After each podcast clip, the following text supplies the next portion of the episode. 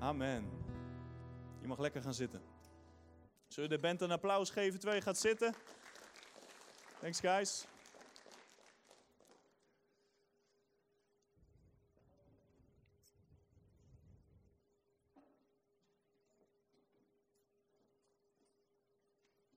Ben je blij om hier te zijn? Je mag uh, altijd geluid maken bij Nehemia Youth, dat weet je. Ik vind het fijn als je feedback geeft tijdens de preek. Ik vind het fijn als je me laat weten dat je nog wakker bent. Je mag amen roepen als je het ermee eens bent. Je mag prijs de Heer roepen, halleluja. Voel je vrij hier vanochtend. God is hier. Amen. Vanochtend hebben we speciaal alle stoelen laten staan. Je kan achter je zien dat de hele zaal, de halve zaal vol staat met stoelen. En dat hebben we bewust gedaan. Want ons jaarthema is Taking Territory. Amen. En we nemen grondbezit, eh, grond in bezit dit jaar, dit seizoen. En ik geloof echt, voor 2023 is dit waar we onze geloof op mogen richten, waar we ons uh, voor mogen uitstrekken, dat deze blok gevuld wordt tot de nok met jonge mensen. Amen. En om dat visueel te maken is het fijn om te zien hoeveel stoelen hier passen en om te zien hoeveel jonge mensen er nog bij kunnen komen. En dit is gewoon een daad van geloof. Hebben we nu niet zelf neergezet, de stoelen stonden er al. Maar ik maak er gewoon een daad van geloof van. Ik doe net alsof ik zelf die stoelen heb neergezet. En ik zet mijn voet op deze zaal. En ik hoop dat jullie met me zijn. En dat jullie met me staan en zeggen: deze blok wordt gevuld tot de nok. Amen. En dat eigenlijk als het ware je gewoon al voor je ziet hoe het hier vol zit met allemaal jonge mensen. Misschien gewoon moet je het even voorstellen. Gewoon even je ogen sluiten en gewoon even voor je zien hoe die zaal vol zit met mensen uit je klas, met je vrienden van, van uh, de voetbal, met je vrienden van andere sport. Gewoon je, je collega's van je bijbaantje. Ik wil je gewoon vragen, stel het je gewoon al voor. Zie het gewoon al. En dan gaan we het hier ook zien natuurlijk. Amen. Deze blok wordt gevuld tot de nok. En het zijn niet dingen die we zelf hebben verzonnen, omdat we nou zulke enthousiaste mensen zijn, ik en Nien en de rest van het team. Nee, dit zijn dingen die God heeft gesproken. God heeft het gezegd. Ik heb het niet verzonnen. Hij heeft dit gebouw aan Nehemia gegeven, speciaal voor een nieuwe generatie. Heeft hij gedaan. Wij hebben het in bezit genomen. En nu gaan we ook de volgende stap zetten en zorgen dat die zaal vol komt met jonge mensen. Amen. En dat is toevallig ook waar we het vanochtend over hebben. Want deze maand hebben we het over autoriteit en gebed. En vanochtend wil ik het hebben over de autoriteit van de gelovigen. Ik ga het allemaal uitleggen als je nu nog denkt, wat is autoriteit? Moeilijk woord. Vanochtend wordt het je helder, wordt het je duidelijk. En eigenlijk de titel van mijn preek is, ken je macht en ontvang de kracht. Dus als je aantekeningen maakt, mag je die opschrijven. Ken je macht en ontvang de kracht. Zullen we het een keer zeggen samen? Ken je macht en ontvang de kracht. En nu nog een keer als je het, alsof je het ook zelf gelooft. Ken je macht en ontvang de kracht. Amen. Weet je, als ik, uh, als ik droom, als ik mijn ogen sluit, dan zie ik gewoon, ik zie die hele zaal vol zitten, maar ik zie gewoon een nieuwe generatie van gelovigen die opstaat in Nederland. Ik zie het hier letterlijk al zitten, dat zijn jullie. Amen maar ik zie nog veel meer. En ik zie een generatie van mensen, zoals ik net ook bad, die weten wie ze zijn in Jezus Christus, die sterk staan op het woord van God. En zoals ik ook bad, die heersen en regeren in dit leven. Ik geloof te lang zijn we als christenen, zijn we als kerk, hebben we geleefd alsof, werden we geleefd, om het zo te zeggen. Werden we geleefd, werden we geregeerd door onze emoties, over, door onze omstandigheden, door wat er allemaal gebeurde, waren we bezig met wat er allemaal in de wereld gaande was en hoe verschrikkelijk het allemaal was en hoe erg het allemaal is. Terwijl wij veilig in ons gebouwtje zitten te zingen, mooie liedjes zingen en wachten totdat Jezus hier keer terugkomt. Maar ik geloof voor een nieuwe generatie die heel anders is. Een nieuwe generatie die teruggaat naar Gods oorspronkelijke plan. En Gods oorspronkelijke plan, sommige mensen voelen hem al aankomen, lezen we in Genesis 1. Daar maakt God de hele wereld, hij maakt de hele schepping. Als laatste maakt hij de mens als kroon op zijn schepping. En dan is het allereerste wat God tegen de mens zegt, is wees gezegend en heers. Jij als mens, hoe jong je ook bent, zoals jij hier zit, jij bent bestemd om te heersen in dit leven. Je bent niet bestemd om beheerst te worden door je omstandigheden, door je omgeving, door jouw klasgenoten. Nee, jij bent bestemd om te heersen en te regeren door Jezus Christus heen. Kan ik een luide amen horen? Jij bent niet bestemd om maar mee te gaan met de stroom. Maar te doen wat de rest van de wereld allemaal doet, te doen wat de rest van je vrienden allemaal doen. Elke dode vis kan meegaan met de stroom. Maar het vereist een levende vis, een zalm, die tegen de stroom inzwemt en er tegenin gaat. En zo'n vis ben jij hier vanochtend. Jij als christen, als wedergeboren christen, jij bent bestemd om te heersen, om er tegenin te gaan en te regeren in dit leven. En heel lang zijn we altijd in de verdediging geweest als christenen. We zijn altijd bezig geweest met wat de duivel allemaal doet. En weet je wel, eh, wat er allemaal gaande is in de wereld, zoals ik net zei. En dat we daar dan hard voor gaan bidden. Uh, heer, zegen de kindjes in Afrika dat ze geen honger meer hebben. Heer, stop de oorlog in Oekraïne. Dat is allemaal verdediging, toch? Maar wij zijn geroepen om in de aanval te gaan. Jezus zegt, op dit woord van getuigenis van Petrus zal ik mijn kerk bouwen en de poorten van de hel zullen het niet overweldigen. Poorten zijn verdedigingswerken. Dus de poorten, de verdedigingswerken van de vijand van de hel, zullen ons als leger niet overweldigen, want wij zijn in de aanval. Amen. En ik geloof voor een generatie die in de aanval gaat. En wat doen we dan? We gaan de poorten van de hel openbreken en de hel leegplunderen. Dat wil zeggen, al die jonge mensen die Jezus nu, nu nog niet kennen, die zijn op dit moment in bezit van de vijand. Als zij nu zouden sterven, patsboom, nu op dit moment, zouden ze naar de hel gaan. Dat is verschrikkelijk, maar het goede nieuws is, God is jou aan het klaarstomen als soldaat in het leger van God om die poorten van de hel te bestormen en de hel leeg te, leeg te plunderen en de hemel vol te maken. Amen. En ik wil vanochtend, voordat ik de preek inga, beginnen met een getuigenis van Vincent, die dit letterlijk heeft gedaan, vorige week. Wil je dat aan de rest vertellen? Hoi, ja. Uh, zoals jullie weten, of sommigen weten dat misschien, ik ben uh, muziekproducent. En uh, begin januari ben ik naar een kamp geweest van 40 artiesten voor mijn netwerk. En uh, ja, het, zijn allemaal, het waren allemaal wereldse artiesten. Dus wat ik dan doe is, op de heenweg bid ik dan altijd van Heer, geef me openingen, weet je wel, om, om, van zijn grootheid te getuigen. En eh, geef me de kans of de mogelijkheid om u groot te maken in juist die kringen, weet je wel. Dus ik bad dat en ik kwam aan op rond een uur of zes, zeven. En we stonden daar in een groep. En ik werd al gelijk benaderd door een artiest uit België. Die zei, hey Vin, ik moet je echt even spreken. Ehm, nou oké, even aanhoren. Uh, en die wilde mij vertellen, die vertelde mij over de thuissituatie en die wilde eigenlijk gewoon wat advies. Dus van, uh, die, zat, die zat gewoon een beetje in de put en die wist even niet wat te doen. En ik had daar een hele makkelijke opening om vervolgens over Jezus te vertellen. Dus ik heb daar het evangelie gebracht. vervolgens voor die persoon gebeden. En die heeft hart aan de Heer gegeven. vervolgens heeft ze ook een, een, echt een aanraking voor God ervaren, zeg maar. Dus ze ging echt van, van huilen over haar situatie naar euforisch uh, uh, gevuld met de liefde van God, zeg maar. En dat was al mooi, maar halverwege kwam er dus nog een artiest binnenlopen. We zaten gewoon op een plek en vervolgens kwam nog een artiest binnenlopen en die ging daar even iets roken, gewoon een sigaret, zeg maar. En die vroeg, hé, hey, waar hebben jullie het over? En het was eigenlijk een beetje ongemakkelijk, want we zaten echt in dat gesprek, zeg maar. En toen kwam die aanlopen, dus ik vertelde heel beknopt van, ja, dit is wat ik aan het vertellen ben, dit is wie Jezus voor mij is. En uh, even heel snel het evangelie vertelde eigenlijk. Echt heel beknopt. En toen vertelde hij vervolgens hoe hij in het leven stond, weet je ook in twee minuten. En dat was het dan. En uh, ongeveer twee dagen na dat kamp kreeg ik een appje. Yo, ik heb mijn hart aan de Heer gegeven. Ik vroeg, ja, hoe dan? Hij zegt van, ja, gewoon zoals je zei, van hij wil in je hart komen. Dus ik heb, ik heb, ik heb hem in mijn hart aangenomen. Vervolgens zegt van, ja, zullen we dan even nog bellen, weet je wel? Dan kunnen we misschien nog even een gebed bidden of zo.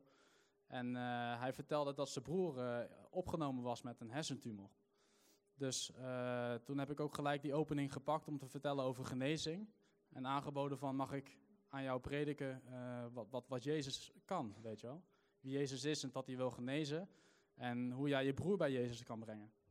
En die mogelijkheid heb ik gekregen. En ik heb vervolgens een half uur aan de telefoon kunnen vertellen over genezing. En eh, ja, dat. Tot zover.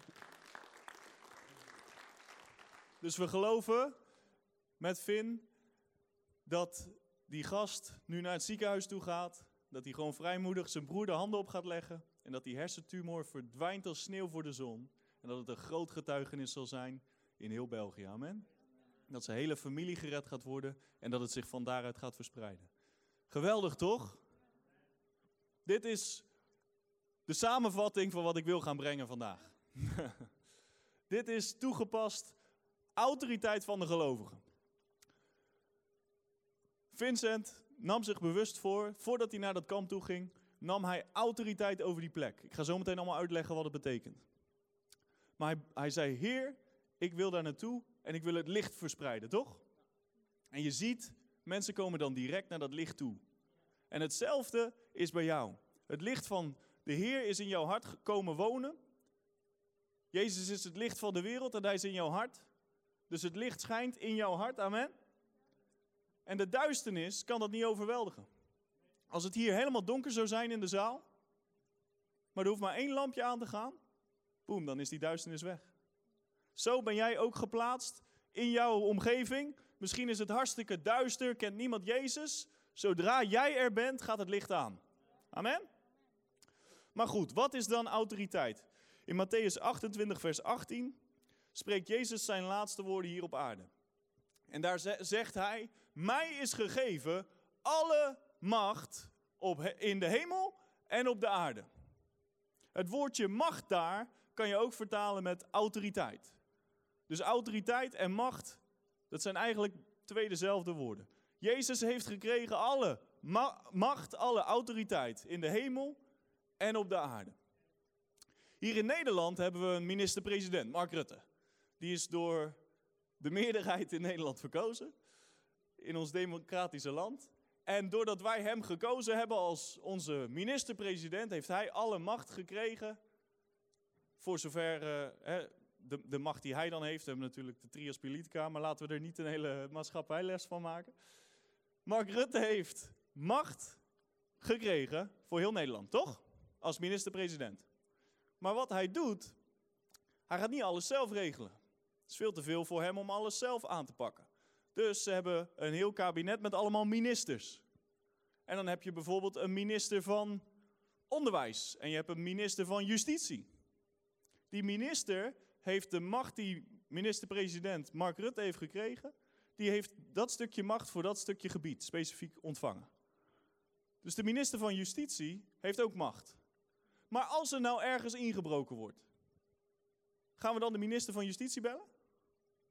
Nee toch? We bellen de politie.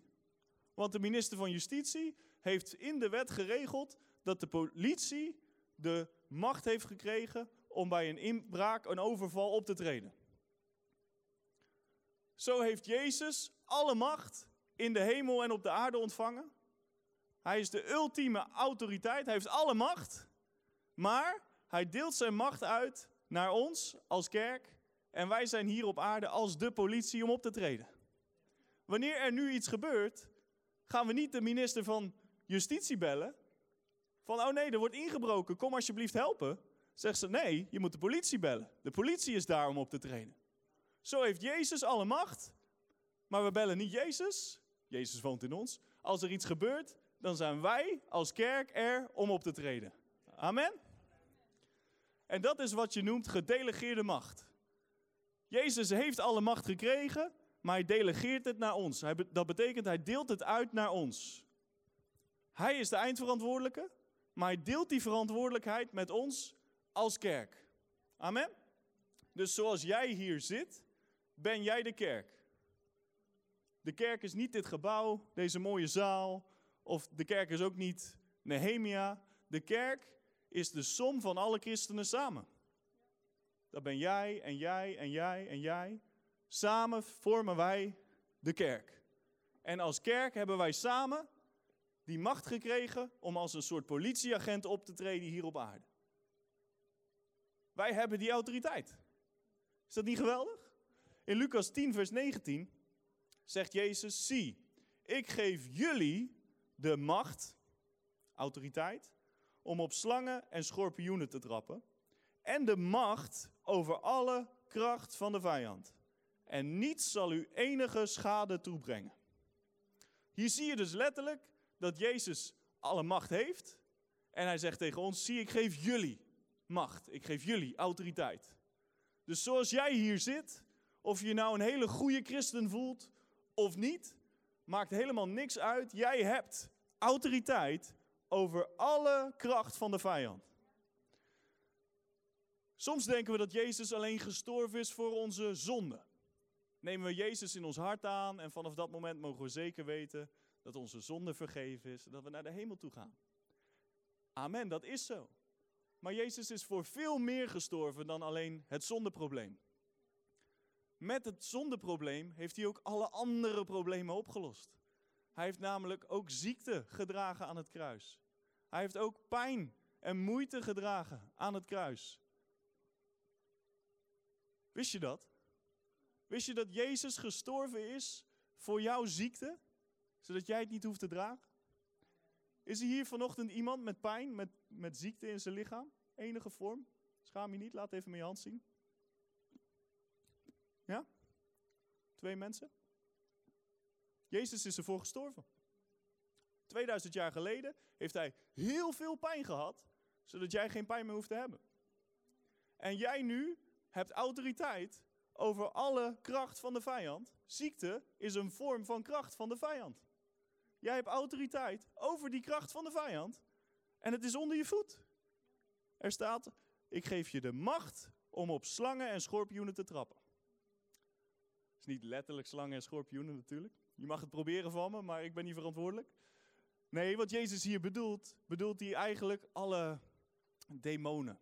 Alle vriendjes van de duivel, al zijn kameraden, al zijn hulpknechtjes. Slangen, schorpioenen, bedoelt Jezus daarmee demonen. Jij hebt de macht om erop te trappen. Dus vanochtend als je hier gekomen bent met pijn, wil ik je uitdagen. Zeg gewoon, ik ga niet voor je bidden.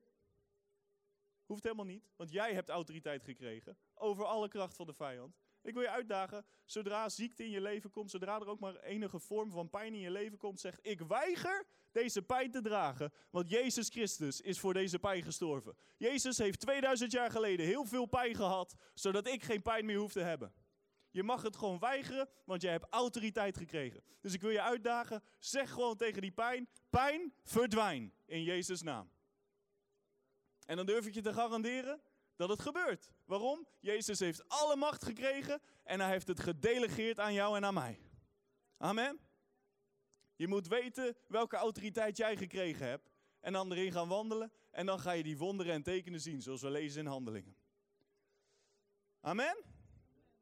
Maar het heeft dus niets te maken, autoriteit heeft niets te maken met je sterk voelen of je krachtig voelen.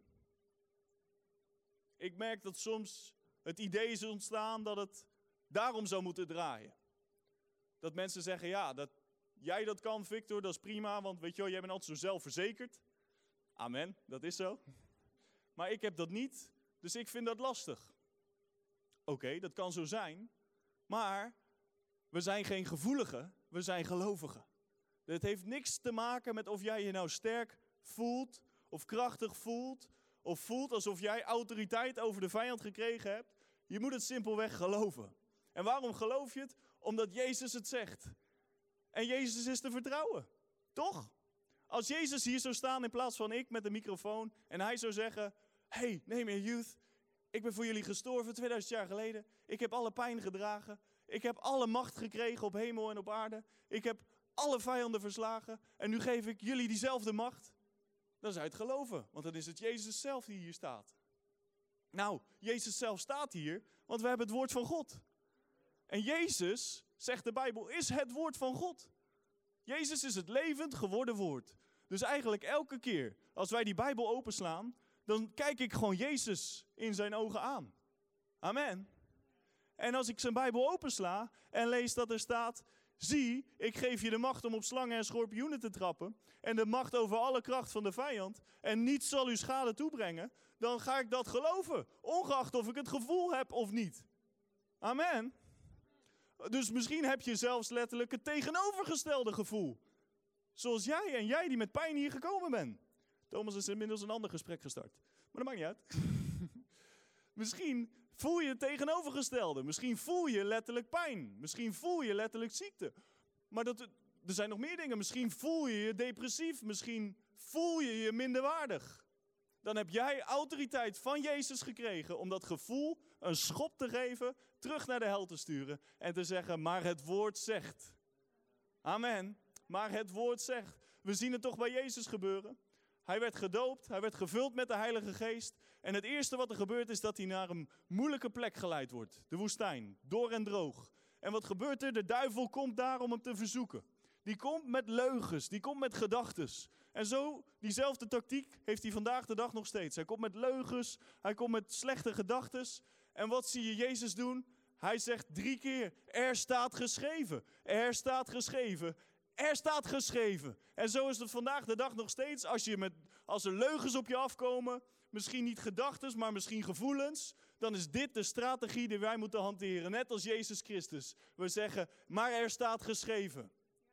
Maar het woord van God zegt. Amen. Misschien voel ik me nu minderwaardig, minderwaardig, maar het woord van God zegt dat ik geaccepteerd ben in de geliefde Jezus Christus. Amen.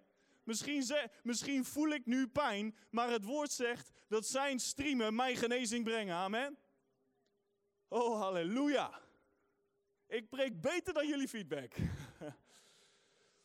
Weet je, ik ben er zo van overtuigd voor mijzelf dat Jezus het voor mij gedaan heeft. En ik wil dat je dat vandaag pakt. Jezus heeft het volbracht.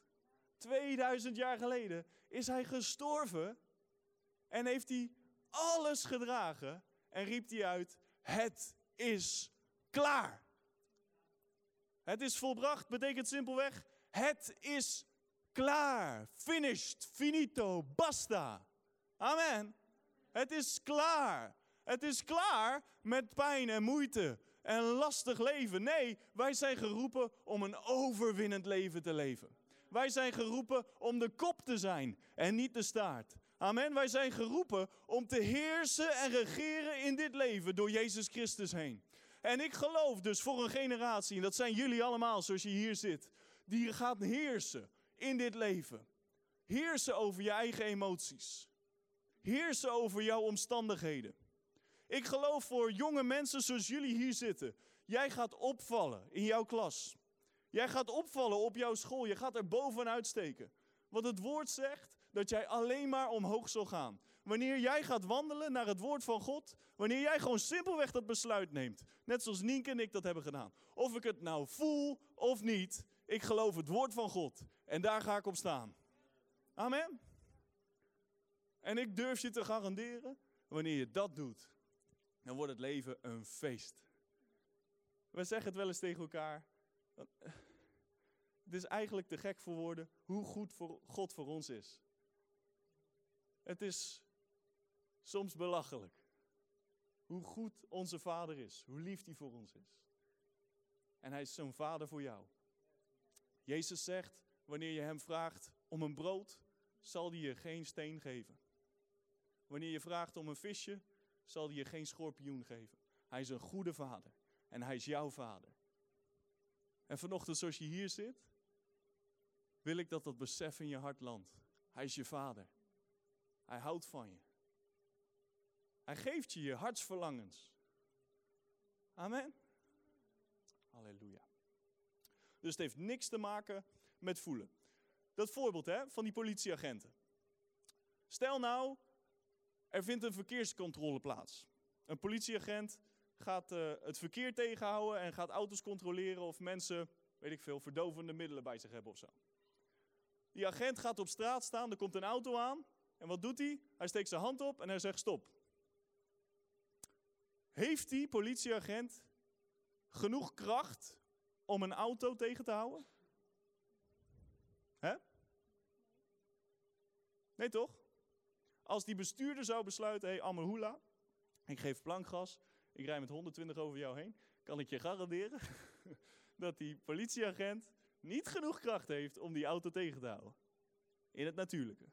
Maar, Die politieagent heeft autoriteit. Hij heeft een uniform aan. Mensen herkennen dat. En die zien een stopteken en die weten ik moet gehoorzamen. Want als ik niet gehoorzaam, it's not going to end well for me. No. You go to jail. Zo'nzelfde autoriteit hebben wij gekregen. Je mag jezelf eigenlijk zo zien in zo'n uniform. Als een politieagent. En dan, wat is dan dat uniform? Misschien willen jullie op de eerste rij komen zitten. Nee? Oké. Wat is dan dat uniform? Het uniform, zegt de Bijbel, is dat wij bekleed zijn met Jezus Christus zelf. We zijn bekleed met Jezus. Als jij met geestelijke ogen naar jezelf zou kunnen kijken en naar jezelf in de spiegel kijkt, dan zou je jezelf eigenlijk zo moeten zien dat jij helemaal bekleed bent met Jezus zelf. Misschien zie jij dat niet, maar dat maakt niet uit. De duivel ziet het wel. De vijand ziet het wel. Jij hebt het uniform van Jezus Christus aan. En jij hebt dus autoriteit elke keer als de duivel iets probeert te doen om een stopteken te geven. En dan gaat hij luisteren omdat hij ziet, die persoon kent zijn uniform, die kent de autoriteit die daarachter staat.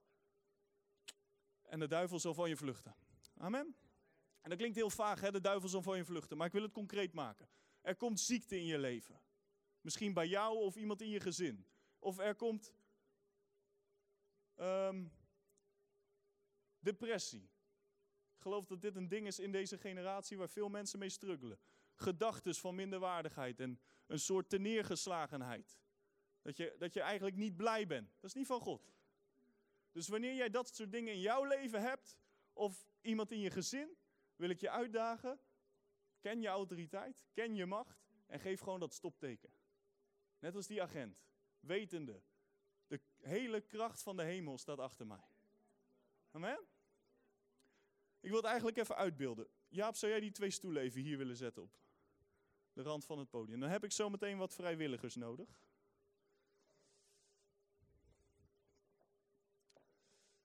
Ik heb een klein voorbeeldje meegenomen. Ik wil dat het visueel voor je wordt. Dus je mag met me opslaan, Efeze hoofdstuk 1.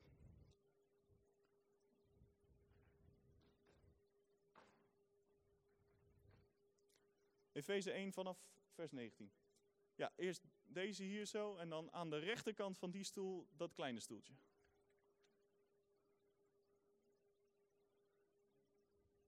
Efeze hoofdstuk 1 vanaf vers 19 gaan, we zo meteen even lezen. Lekker Jaap. En dan mag jij zelf, Jaap, als je dat uh, oké vindt, op die mooie tuinstoel gaan zitten. Laten we het even lezen. Efeze 1 vanaf vers 19. Daar staat, wat de alles overtreffende grootheid van zijn kracht is, aan ons die geloven, overeenkomstig de werking van de sterkte van zijn macht, heb je het weer, zijn autoriteit. Vers 20, die hij gewerkt heeft in Christus, toen hij hem uit de doden opwekte en aan zijn rechterhand zette in de hemelse gewesten. Even tot daar, zometeen de rest.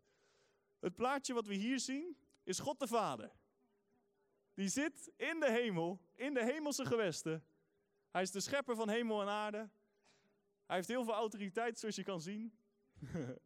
en hij zit daar te chillen. De Bijbel zelfs, dat hij, dat, uh, er staat dat God de Vader in de hemel zit en dat hij lacht. Dit is God de Vader. Nou heb ik nog even vrijwilliger nodig voor Jezus. Wie wilde Jezus spelen? Kom maar, Josh. Mag jij Jezus spelen? Ja. Mag jij aan de rechterhand van de Vader gaan zitten? Kijk, springt er soepel op. Want er staat hier in vers 20. Toen de Vader Jezus uit de doden opwekte en aan zijn rechterhand zette in de hemelse gewesten. Dus dit is nu wat de, hoe het eruit ziet in de hemel. God de Vader zit daar en aan zijn rechterhand zit Jezus. Maar we lezen verder. Wat staat er dan? Ver boven alle overheid en macht en kracht en heerschappij en elke naam die genoemd wordt, niet alleen in deze wereld, maar ook de komende. En God de Vader heeft alle dingen aan Jezus voeten onderworpen. En hij heeft hem als hoofd over alle dingen gegeven aan de gemeente, die zijn lichaam is en de vervulling is van Hem die alles in alle vervult. Amen. Ik zocht nog een voorbeeldje voor uh, de duivel en demonen. En ik dacht, ik ga het niet aan jullie vragen, weet je. Ik ga het ook niet zelf uitbeelden. En toen vond ik hier vanochtend dit dingetje op de vloer. Dit is een soort salamander, maar dit is eigenlijk de duivel in de Hof van Eden, want toen had die slang nog poten, toch? Dus dit is de duivel met zijn poten nog. Eens even een voorbeeldje van de duivel. Kan iedereen het goed zien? He, een, een slang met poten. Dit is de duivel. Hij is heel klein, hij is heel nietig. Ja, goed gezien? Dus de Vader en Jezus zitten in de hemelse gewesten. En dan staat er dat zij ver boven alle overheden en machten en krachten zitten. Ja, schattig is die, hè? Hij is klein ook, hè? En dit is nog maar een heel kleine afstand. Maar de Vader en Jezus zitten ver boven de duivel. Amen? Het is niet zoals je soms ziet op zo'n dom plaatje, waar ik me enorm aan kapot irriteer, die je dan wel eens voorbij ziet komen, dat Jezus zo aan het armpje druk is met de duivel. Heeft iemand dat plaatje wel eens gezien? Zie je ook nog eens zo'n witte Jezus? Kom op man. Maar goed, dat is een ander verhaal. Er zit Jezus zo te armpje drukken met de duivel, alsof hij in strijd is met de duivel. Nee man, Echt niet. Er staat in Colossense 2, vers 15 dat Jezus de duivel openlijk tentoongesteld heeft, hem gestript heeft van al zijn wapens en hem gewoon bespot, belachelijk maakt. De duivel is een verslagen vijand, onthoud dat goed. Jezus heeft de overwinning behaald. Amen. We zongen net, halleluja, we zongen net, the name of Jesus. Uh, hoe ging het ook weer? Iets van There's power in the mighty name of Jesus. Every war he wages, he will win. Ik weiger dat te zingen. Ik ben een beetje vreemd. Want Jezus heeft 2000 jaar geleden de oorlog gewonnen. Hij gaat niet de oorlog nog winnen. Nee, nee. Hij heeft 2000 jaar geleden de oorlog al gewonnen. Amen. Hij heeft de duivel openlijk tentoongesteld. De duivel is een verslagen vijand. Amen. Ik wil dat je hem zo ziet. Dus de vader zit daar met Jezus aan de rechterhand. Jullie zitten er goed bij trouwens. Zo even een applausje geven. Ver boven. Ver boven die rotduivel, die verslagen vijand. Je kan hem amper zien, hè, Josh?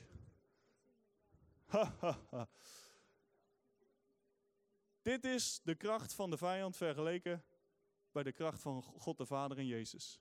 Dit is nog niet eens de goede verhouding, maar dit begint er al een beetje op te lijken. Nietig en klein vergeleken bij de almachtige Vader met Jezus Christus. Maar dan, wat staat er? Nog heel even, jongens. Zit wel lekker daar, hè? Op zijn tuinstoeltje. wat staat er? Er staat in vers 22: En hij heeft alle dingen aan zijn voeten onderworpen. En heeft Jezus als hoofd over alle dingen gegeven aan de gemeente. Dat zijn wij, amen. Wij zijn de kerk. Amen. Vers 23. De gemeente die zijn lichaam is en de vervulling van hem die alles in alle vervult. Als kerk zijn wij het lichaam van Jezus Christus hier op aarde. Sommige mensen bidden altijd: Heer, doe dit. Jezus, doe dat. Jezus, red mijn buurman. Jezus, genees de zieken. Jezus heeft dat drie jaar lang hier op aarde gedaan. Maar Jezus zag in dat hij in in, in 3000 jaar nog steeds niet alles kon doen. Chockerend om te zeggen haast. Maar Jezus in zijn eentje kon niet de hele wereld redden. In, in, in de leeftijd die een mens gegeven is. Daarom wist Jezus, ik moet eens en voor altijd sterven aan dat kruis. En dan komen er allemaal na mij, allemaal mini-meis, mini-Jezus. Zoals jij hier zit, ben jij een christen. Dat is een gezalfde, een kleine Christus. Een kleine Jezus. Amen. Zeg, ik ben een kleine Jezus. En zo samen, als allemaal kleine Jezusen, zijn wij het lichaam van Jezus hier op aarde. Wat staat er dan in hoofdstuk 2? In hoofdstuk 2 van Efeze staat vanaf vers 4, laat ik het even vanaf vers 4 lezen. Maar God, die rijk is in barmhartigheid, heeft ons door zijn grote liefde waarmee hij, waarmee hij ons lief gehad heeft, ook toen wij dood waren door de overtredingen, met Jezus levend gemaakt. Jij was ooit in het koninkrijk van de duisternis, hè, onder de autoriteit van de duivel. Maar het moment dat jij Jezus aannam in je hart, werd jouw geest tot leven gemaakt en werd jij overgeplaatst in het koninkrijk van zijn zoon Jezus. Dat staat hier. Vers 6. En heeft ons met hem opgewekt en met hem in de hemelse gewesten gezet in Christus Jezus. Ik heb nog één vrijwilliger nodig. Iemand die niet te groot is. Boas, kom eens Boas. Boas is even het voorbeeld van ons allemaal als christenen. De hele kerk, kom maar. De hele kerk wereldwijd. Even door Boas vertegenwoordigd. Is die niet een goede kerk? Hey, halleluja. Boas, ik wil dat je een ding doet. Dit wordt even intiem, Josh. Ik wil dat jij even bij Josh op schoot kruipt. Even, even, even gezellig kroelen. Bromance, niks mis mee. Want wat staat er? God heeft ons als kerk met Jezus opgewekt en ons met Hem in de hemelse gewesten gezet in Christus Jezus. Nou, hij kan er niet in, dus hij is er even op gaan zitten, uitvol. hij weet, oh, goed zo. Ja, we hadden eigenlijk nog een iets kleinere kerk moeten vinden. Maar ik wil dat je ziet dat hoe wij als kerk zijn wij in Jezus geplaatst. Amen. Zoals je hier nu op aarde zit, de hemelse realiteit is dat wij als kerk in Jezus geplaatst zijn in hemelse gewesten. Amen. Maar dat betekent dus ook, wij zijn zijn lichaam. Jezus is het hoofd. Jezus is het hoofd van het lichaam. En wij zijn het lichaam. En de duivel en alle overheden en machten en krachten zijn onder de voeten van Jezus. Dat, dat zijn onze voeten geplaatst. Amen. Dus ik wil dat je jezelf zo ziet in Jezus Christus en zelfs de allerlaagste plek in het lichaam van Jezus. Bijvoorbeeld de kleine teen van Boas. Al denk je nog het allerslechtst, allerkleinste over jezelf, misschien het puntje van de nagel van de kleine teen van Boas. Misschien ben jij dat in het lichaam van Jezus. de, het, het linkerpuntje van de nagel van de kleine teen van het lichaam van Jezus, dat ben ik dan, dat ben ik. En zelfs ik, als laagste vorm van het lichaam, ben nog ver boven alle overheden en machten en krachten. Amen. Wij zijn ver boven de macht van de vijand, de macht van de duivel. Wij hebben alle autoriteit gekregen door Jezus Christus heen. Amen. Zullen we Jezus een groot applaus geven en de prachtige kanjes, dank jullie wel. Jullie mogen weer uh, je eigen plek gaan zetten. Kijk, Josh is iets minder lief met het lichaam dan, uh, dan Jezus voor ons.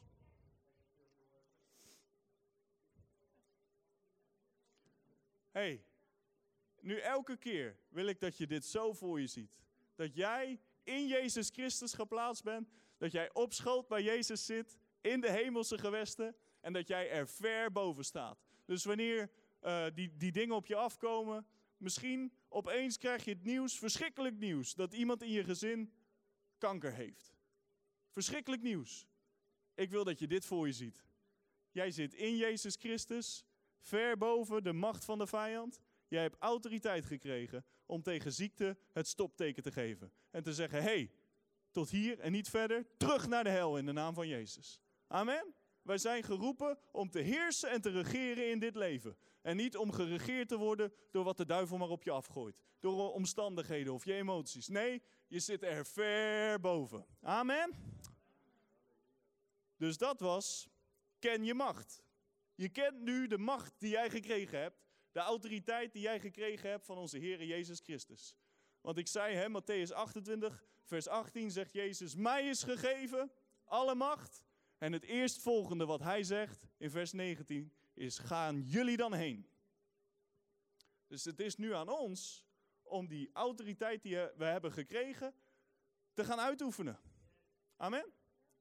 En dat is ontvang de kracht.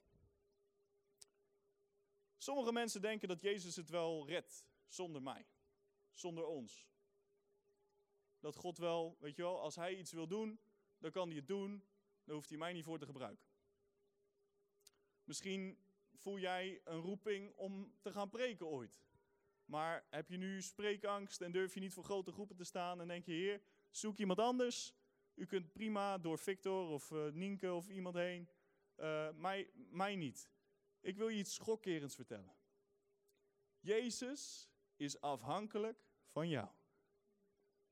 Jezus kan niets hier op aarde doen zonder zijn lichaam. Amen. Wij zijn het lichaam van Jezus. Hij is het hoofd van de gemeente, zegt de Bijbel. En wij zijn het lichaam. En zoals het hoofd niks zonder het lichaam kan doen en het lichaam niks zonder het hoofd, zo kan Jezus niks hier op aarde doen zonder ons. Jezus is afhankelijk van ons. Amen. Wist je dat? Het wordt heel stil. Is dit zo chockerend?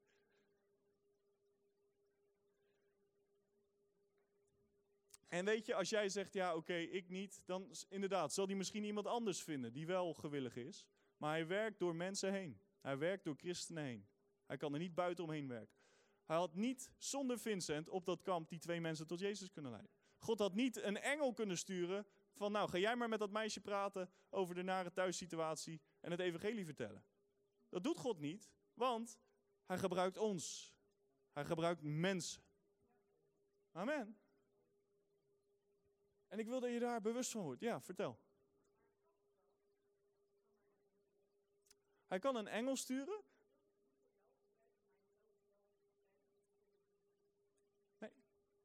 Het is aan ons als kerk is de taak om het evangelie te vertellen. En niet aan engelen. Want anders zouden we al lang, zou Jezus al lang teruggekomen zijn. Want dan had hij zijn miljoenen legers van engelen gestuurd om het evangelie aan alle mensen te vertellen. En dan was het al lang klaar. En dat is het liefste wat God wil, hè? want de Bijbel zegt hij wil dat niemand verloren gaat. Ja.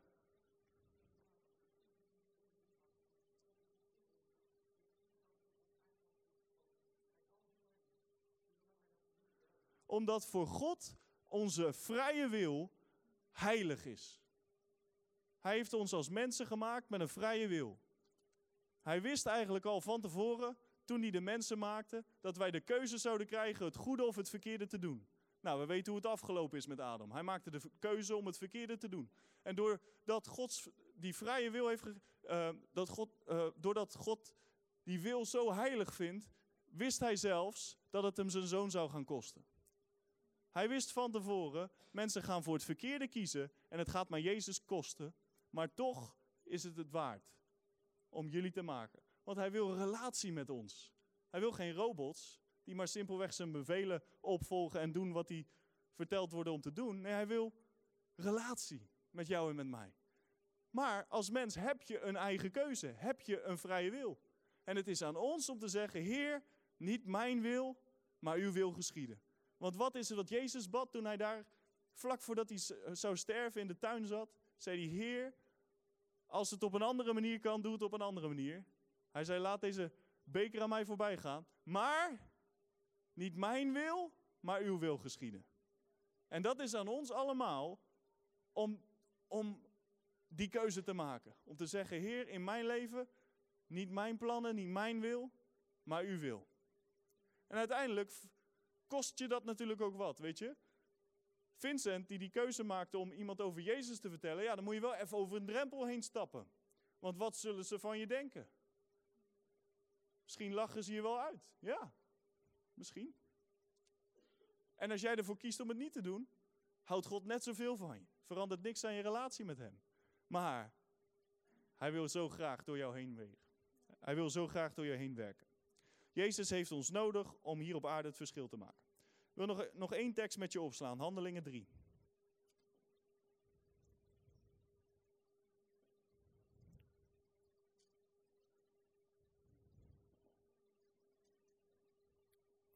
vanaf vers 1.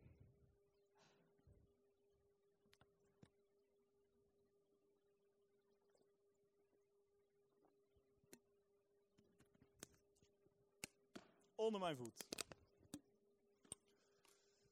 Handelingen 3 beter. Prijs de Heer. Oh. Prijs de Heer. Handelingen 3, vers 1 tot en met 8. Petrus nu, en Johannes gingen samen naar de tempel tijdens het uur van het gebed, het negende uur. En een man die vanaf de moederschoot kreupel was, werd daarheen gedragen. Men zette hem dagelijks bij de tempelpoort, die de schone genoemd wordt, om een liefdegave, om geld te vragen aan hen die de tempel binnengingen. Toen hij Petrus en Johannes zag, op het moment dat zij de tempel zouden binnengaan, vroeg hij of hij een liefdegave, oftewel geld, mocht ontvangen. En Petrus keek hem met Johannes doordringend aan en zei: Kijk ons aan! En hij hield de ogen op hen gericht, omdat hij verwachtte iets van hen te ontvangen. Petrus zei echter: Zilver en goud heb ik niet, maar wat ik heb, dat geef ik je. In de naam van Jezus Christus de Nazarener, sta op en ga lopen. En hij greep hem bij de rechterhand en richtte hem op. En onmiddellijk werden zijn voeten en enkels vast. En met een sprong stond hij overeind en liep rond. En hij ging met hen de tempel in, lopend en springend en God lovend. Amen. Yes. Halleluja. Nieuwe generatie. Wat zien we hier gebeuren? Petrus kende en Johannes kenden hun macht. Amen. Zij waren er zelf letterlijk bij toen Jezus zei: Mij is gegeven alle macht op, in de hemel en op de aarde. Gaan jullie dan heen?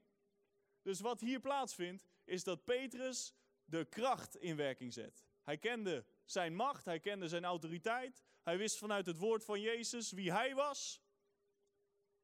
En nu was het tijd om die kracht in werking te zetten. Wat valt op?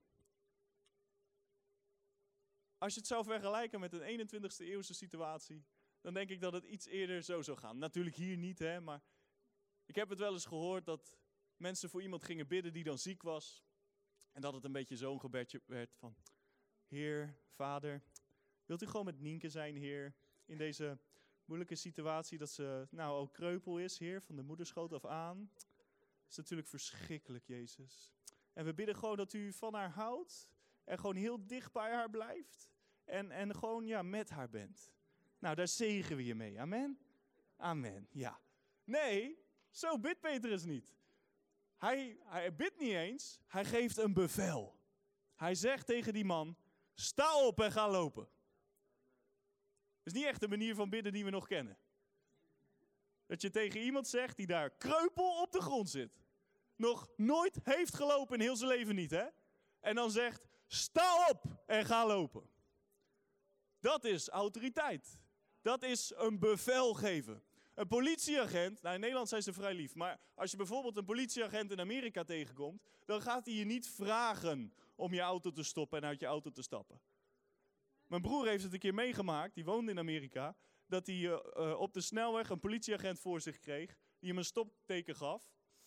En uh, nou, dan moet je naar de zijkant van de weg en dan doet die politieagent allereerst heel rustig de tijd nemen om uit zijn auto te komen. En ondertussen zit jij daar met je gespannen zweethandjes aan het stuur van, oh nee, wat heb ik fout gedaan.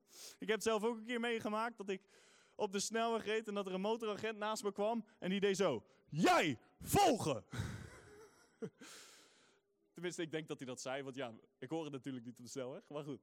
Hij doet zo naar mij wijzen en zij wijst zo naar, naar achter hem. Dan zie je ook, opeens heel rustig rijden, heel netjes mijn knipperlicht aan en hem volgen. Want een politieagent heeft autoriteit en die hoeft niet je te vragen iets te doen. Hij geeft je een bevel om iets te doen en het is aan jou om te gehoorzamen. Op dezelfde manier moeten wij omgaan met die omstandigheden waar we telkens over hebben. Ziekte, pijn, moeite, alles wat van de duivel komt. We gaan niet vragen, zou je alsjeblieft willen stoppen met deze situatie, want ik vind het echt niet leuk meer nu. Of we gaan ook niet naar Jezus toe. hey, Jezus, minister-president, wilt u deze situatie oplossen? Nee, wij hebben de autoriteit om te zeggen, hey, terug naar de hel. Maar niet te hard schreeuwen, mensen schrikken een beetje. ik ben niet boos hoor. Net zoals, uh, wie van jullie heeft er een hond thuis? Kijk, heel veel mensen. Of een uh, kat. Heeft iets veel minder nut, dit voorbeeld wat ik nu ga vertellen. Laten we het even over een hond hebben. Stel je hebt een hond en die doet iets wat hij niet mag doen. Dan zijn er sommige mensen die dan zo gaan praten. Nou, uh, onze hond heette Bingo. Die is, die is er niet meer, maar Bingo. Nou, Bingo, foei. Niet doen, joh. Ah, ah, ah. Nee, af. Nee. Bingo. Nee. Bingo. Stoppen. Wat doet die hond? die gaat gewoon lekker door met wat hij aan het doen was. Bijvoorbeeld, Bingo mocht bij ons niet op de bank. Dus als Bingo dan op de bank sprong en ik zei, nou Bingo, niet doen joh, stop. Dan luisterde die hond niet. Die hond herkent of jij weet dat jij autoriteit hebt. Die hond, die luistert pas wanneer ik zeg, Bingo, af! Dan opeens vliegt hij van de bank af en ging hij gauw terug naar zijn plaats. Want hij wist, oh, nu is het menens. Deze persoon kent zijn macht, kent zijn autoriteit. Die weet wie die is. Amen. Op dezelfde manier moeten wij omgaan wanneer de duivel komt met een situatie in ons leven. Wij geven simpelweg het bevel. Amen. En hij moet luisteren. Waarom? Hij is een verslagen vijand. Als je alles vergeet wat ik vandaag zeg, onthoud dan dit. De duivel is een verslagen vijand. Amen. Hij is gestript van al zijn macht en kracht. Hij heeft geen autoriteit meer. Nee, nee. Jij heerst. Jij regeert in dit leven. Maar voordat Petrus en Johannes die kracht en macht hadden, moest er wel iets gebeuren. En ik geloof dat dat vanochtend ook gaat gebeuren. In Handelingen 1 spreekt Jezus ook weer laatste woorden, net zoals in Matthäus 28. Maar nu opgeschreven door Lucas. In Handelingen 1, vers 4 zegt Jezus: Toen hij met hen samen was, beval hij hun dat zij niet uit Jeruzalem weg zouden gaan, maar de belofte van de Vader zouden verwachten, die u, zei hij, van mij gehoord hebt. Ik sla even een paar versen over. Dan naar vers 8. Maar u zult de kracht van de Heilige Geest ontvangen, die over u komen zal. En u zult mijn getuige zijn, zowel in Jeruzalem als in heel Judea en Samaria, tot het uiterste van de aarde. Vers 4. Hij beval hun dat zij moesten wachten op de kracht. Dus het is goed om je macht te kennen. Het is goed om te weten vanuit het woord van God wie jij bent, wat Jezus voor jou gedaan heeft, wat een autoriteit jij nu gekregen hebt. Maar dan het volgende is dat jij wacht op die kracht van de Heilige Geest. En we gaan niet uh, terug naar het maandthema Heilige Geest, want dat hebben we in december gehad. En we zijn allemaal vervuld met de Heilige Geest, amen. We spreken allemaal in tongen, amen. Maar er staat niet, u zult de tongentaal van de Heilige Geest ontvangen. Nee, hetgene wat er staat is, u zult de kracht van de Heilige Geest ontvangen. En dat is wat nodig is. Om net zoals Petrus en Johannes en al die andere apostelen door het leven te gaan als koning en om te heersen over de vijand. Dat jij weet, je kent je macht vanuit Jezus gegeven en je hebt de kracht ontvangen. Maar om die kracht te ontvangen zal er soms een periode van wachten zitten. Dat betekent niet lang wachten, maar betekent dat wij ons afhankelijk maken van de Heilige Geest. Dat we zeggen, Heer, we willen niets uit onze eigen kracht doen, vanuit het natuurlijke, maar we willen het door de Heilige Geest doen. Amen. En dat is wat er nu gaande is, ook in Nehemia. Ik weet niet of jullie erbij waren vorige week zondag, toen Richard gesproken heeft over zijn reis naar Amerika. Hij is daar naartoe gegaan met een verlangen, met een verwachting. Jezus zei, wacht hier en verwacht de belofte. Het vereist van ons een verwachting, een honger, een verlangen naar meer. En, en voor Richard is zo naar Amerika gegaan met de verwachting, ik ga daar iets ontvangen van de Heilige Geest, een kracht, en die ga ik weer uitdelen in Nederland. En dat is precies wat er gebeurd is. Hij heeft kracht ontvangen, daar hebben een paar mensen hem de handen opgelegd, en hij heeft daar iets bijzonders ontvangen, en dat is hij nu in Nederland weer aan het uitdelen. Dus ik wil je gewoon ook even meenemen in daarin waar we als kerk in bewegen. Dat dat nu het seizoen is waar we in zitten. Dat wanneer uh, er, er, op zondagochtend gebeden wordt, maar hier ook. Wanneer je de handen opgelegd wordt, dan is dit niet iets raars, is niet iets vreemds. Nee, dat is simpelweg dit. Je ontvangt kracht van de Heilige Geest om te heersen in dit leven als zo'n politieagent van Jezus Christus. En misschien zul je zien dat sommige mensen dan opeens omvallen. We noemen dat in de geest vallen. hey, als jij als mens voor zo'n auto gaat staan die met 120 km per uur op je afkomt. En je gaat ervoor staan en die auto raakt jou aan. Dan maakt dat een bepaalde indruk op jouw natuurlijke lichaam, toch? Nou, hoeveel te meer, meer als de schepper van hemel en aarde jou aanraakt met zijn kracht. Als je je vingers in het stopcontact steekt, 220 volt, dat is ook best wel veel kracht. Nou, hoeveel te meer? De schepper van hemel en aarde. Die heeft nog veel meer kracht. En daarom zul je zien dat mensen op een bepaalde manier in hun natuurlijke lichaam reageren op die kracht van God die door hun leven heen stroomt. Sommige mensen zeggen ja, uh, ik vind het oké, het is logisch als mensen uh, handen opleggen en ze genezen dan. En het is ook logisch als mensen handen opleggen en ze ontvangen de Heilige Geest. Maar dan handen opleggen om maar een beetje impartatie of kracht te ontvangen, dat vind ik een beetje vreemd. Het is precies hetzelfde. Wanneer we handen opleggen op iemand die ziek is, stroomt er kracht van ons naar die persoon om te genezen. Het is niet onze kracht, het is van Jezus. Hey, en op dezelfde manier, wanneer we handen opleggen om gewoon simpelweg kracht te ontvangen, stroomt die kracht van God door ons heen naar die andere persoon. Want God wil mensen gebruiken. En je ziet hier, ik, ik moet dit gewoon even delen. Ik, ik zie dat daar mensen me aankijken van waarom doe je dit? Ik geloof dat het gewoon goed is om je even mee te nemen, dat je weet wat er gebeurt nu in Nehemia. En als je er vragen over hebt, weet je wel, voel je ook vrij om naar mij of Nienke toe te komen of naar je eigen connect-opleider. Want het is helemaal niet raar als je daar vragen bij hebt, maar ik wil je gewoon even meenemen vanuit het woord van God. Kijk, sommige mensen zullen zeggen, ik rond het zo af. Sommige mensen zullen zeggen, ja, maar in handelingen, toen ze die kracht ontvingen, toen bad er niemand voor hun. Hè, dat was gewoon rechtstreeks vanuit God naar die mensen en er zat geen tussenpersoon tussen. Dat klopt, maar toen waren er nog geen tussenpersonen. Dat was namelijk de eerste keer dat de Heilige Geest uitgestort werd. Dus ja, inderdaad, daar gebeurde dat op die manier. Maar vanaf dat moment zie je ook de apostelen weer mensen de handen opleggen om die kracht die zij van God hebben te ontvangen, weer uit te delen naar iemand anders. Paulus zegt zelfs tegen Timotheus dat hij de gaven die God hem heeft gegeven, door profetie en door handoplegging, niet laat losgaan, niet verslapt, maar aanwakkert. Dus zo kan je dus een bepaalde gave, bepaalde kracht van God ontvangen, wanneer jouw handen worden opgelegd. En ik voel vanochtend niet om dat te gaan doen, maar ik wil je dat gewoon meegeven in dit seizoen waar we als kerk in zitten, ook gewoon op de zondagochtenden in de grote mensendienst, om daar met die verwachting te zitten. Zoals Jezus hier zei, wacht en verwacht. Ik wil je uitdagen, wacht en verwacht die kracht van God. Maar het heeft niks te maken met een gevoel. Dus of je nou iets voelt wanneer jouw handen opgelegd worden, of je nou dus valt in de geest, of op een andere manier er natuurlijk op reageert, of niet, maakt geen zak uit.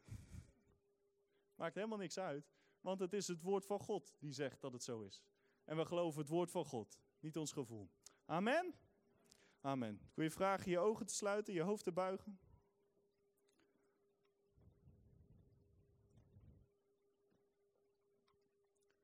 Vader, dank u voor deze nieuwe generatie. Dank u, Heer, voor het werk dat u gestart bent in Nehemia. Ik dank u, Heer, dat uw kracht aan het stromen is. Heer, van boven naar beneden. Zoals uw woord zegt, Heer, dat het is als de olie van Aaron, die vanaf zijn hoofd neerstroomt over zijn baard, over zijn kleed. Zo dank ik, Heer, dat het aan het stromen is in Nehemia. Heer, allereerst bij Richard en Ankje, de oudste, en dat het doorstroomt, Heer, naar ieder lid van Nehemia. En naar ieder lid van Nehemia Youth. En ik dank u, Heer, dat het resultaat zal zijn dat elke christen, jong en oud, een krachtige christen wordt, Heer. Die net als Petrus en Johannes rond zullen gaan. Net zoals Jezus rond zullen gaan. Weldoende. Allen die overweldigd zijn door de duivel. En ik dank u, Heer, voor uw woord vanochtend. Ik dank u, Heer, dat uw woord altijd werkt. Ik dank u, Heer, dat het vanochtend de rotsen heeft opengebroken. Ik dank u, Heer, dat uw woord de zalving gestroomd heeft en het juk verbroken heeft. En ik dank u, Heer, dat u ons gegeven heeft een geest van wijsheid en inzicht. En ik dank u, Heer, dat we ons zullen zien zoals u ons ziet. Gezeten in Jezus Christus. In de hemelse gewesten, ver boven alle machten en krachten. Oh, ver boven alle overheden en alle wapens van de vijand. Ik dank u, Heer, dat wij sterk staan op de rots Jezus Christus. Ik dank u, Heer, dat we niet heen en weer geslingerd worden. Door wat er allemaal maar om ons heen gebeurt. Door omstandigheden. Maar Heer, dat we staan op uw woord en dat we uw woord doen. En vader, vanochtend bid ik voor iedereen onder het geluid van mijn stem. En bid ik, als ze u persoonlijk nog niet kennen als hun Heer en Redder, dat ze vanochtend dat besluit zullen maken. Ik bid, Heilige Geest, klop aan de deur van hun hart. Laat hun merken dat u hun vanochtend ziet. Ik bid, Heer, geef hun een plaatje dat Jezus Christus 2000 jaar geleden aan dat kruis speciaal voor hun gestorven is. En vanochtend, zoals je hier zit, wil ik je vragen: als jij nog niet zeker weet, zonder enige twijfel, dat, jou, dat Jezus jouw Heer is, dat Jezus jouw redder is. Als jij vandaag zou komen te sterven, zou jij dan zeker weten, zonder enige twijfel, dat jij naar de hemel toe gaat? Als je dat niet 100% weet, niet 100% zeker weet, als er nog enige vorm van twijfel is, dan vanochtend is jouw ochtend om het, de keuze te maken voor Jezus Christus. En dan zal je geplaatst worden in de familie van God. Dan zal God ook jouw vader zijn. En dan zul jij ook dat leven leven met Jezus, het allerbeste leven. Als jij dat vanochtend bent, je weet niet zeker dat de hemel jouw thuis is. Je weet niet zeker dat wanneer jij sterft, je naar de hemel toe gaat. Laat me dan een moment je hand zien. Dan wil ik met je en voor je bidden.